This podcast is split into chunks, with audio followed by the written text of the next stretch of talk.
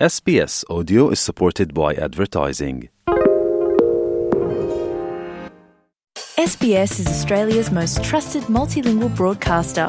Our listeners are loyal, highly engaged, and have supported countless local businesses. We offer advertising packages for businesses of all sizes. Our experienced sales team will guide you through the process of owning a great campaign. Bring your own ad or have our production team make you something in one of our 68 languages. Start the conversation with your new audience today. Email sales at sbs.com.au. Wir sind SBS German. Weitere Inhalte finden Sie auf sbs.com.au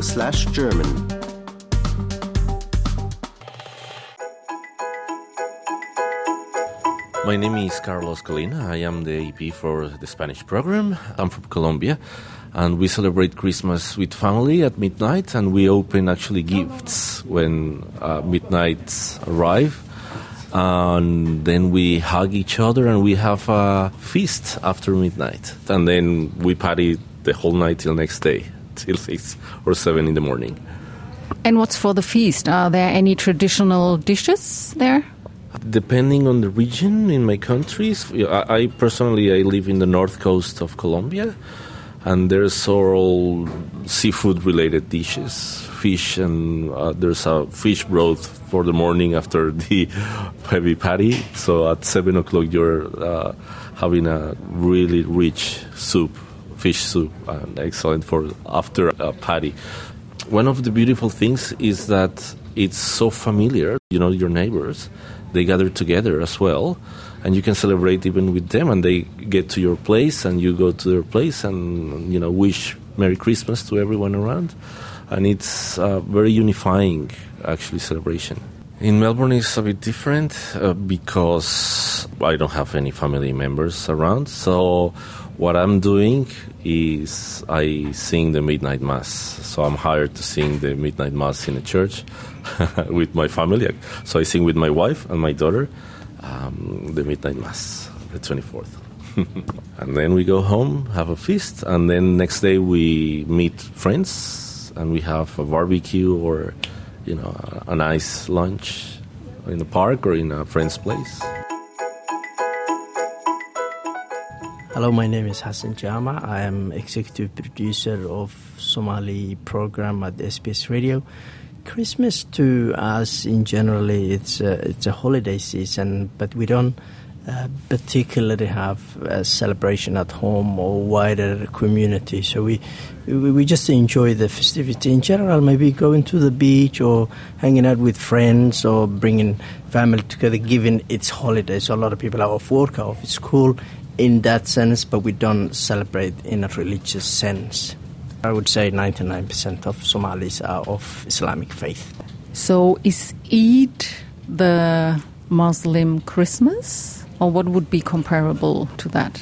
Yes, there's actually two different Eids within the year. So this would be the main celebratory events for Muslims right across the world. So one comes after Ramadan, which is the, the holy month of fasting.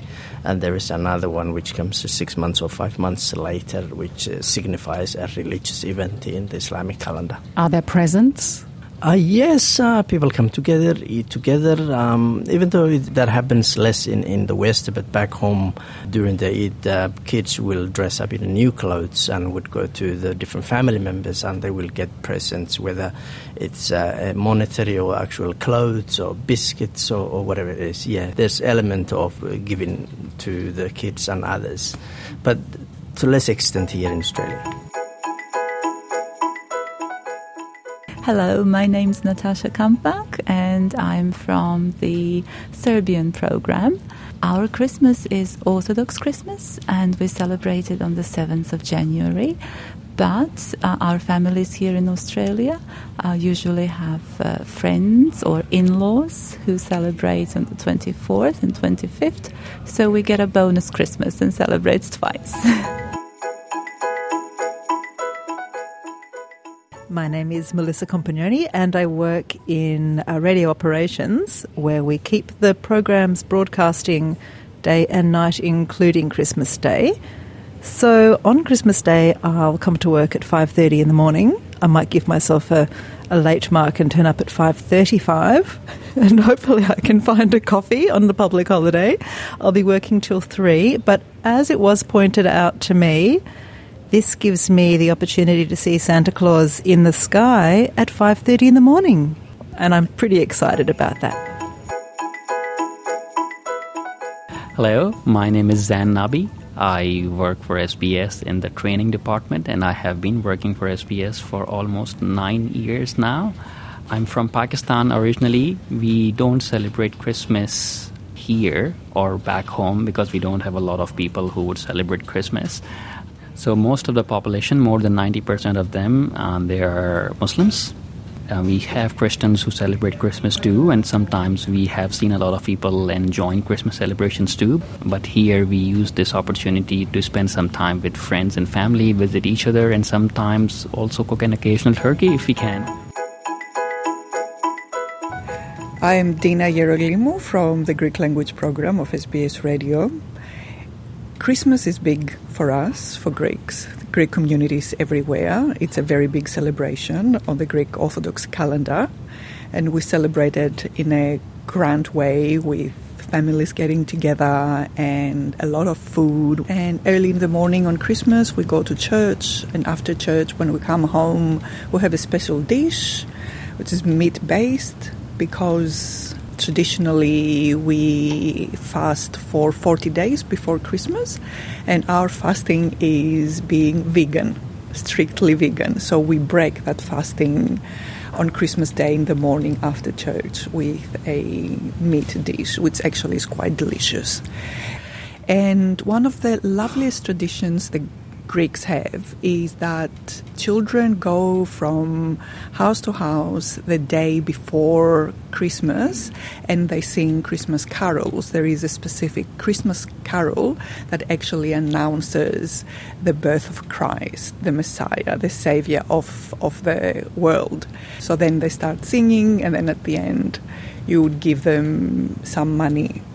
Uh, in the olden days, they would get something that the housewife would have made. But, you know, in modern days, it's more money. Another special thing about the New Year celebration is that traditionally Santa comes on New Year's Day, not on Christmas Day. Our Santa is St. Basil, and St. Basil celebrates on the 1st of January. And St. Basil was a real person. He was the bishop of Caesarea and did many great things when he was a monk and a priest and then a bishop. We also have another custom for that day that adults give money to each other, but not, not everyone, sort of the husband will give money to his wife. The father, regardless of how old the father is, will give money to his children.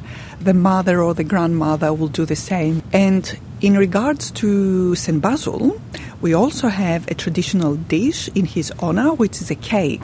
It's a special New Year's cake, which is called Vasilopita, because St. Basil in Greek is Vasilios. And in that cake, we hide a coin. And whoever finds the coin is the lucky person for the year.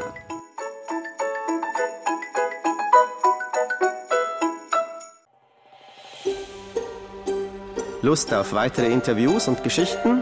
Uns gibt's auf allen großen Podcast-Plattformen wie Apple, Google und Spotify.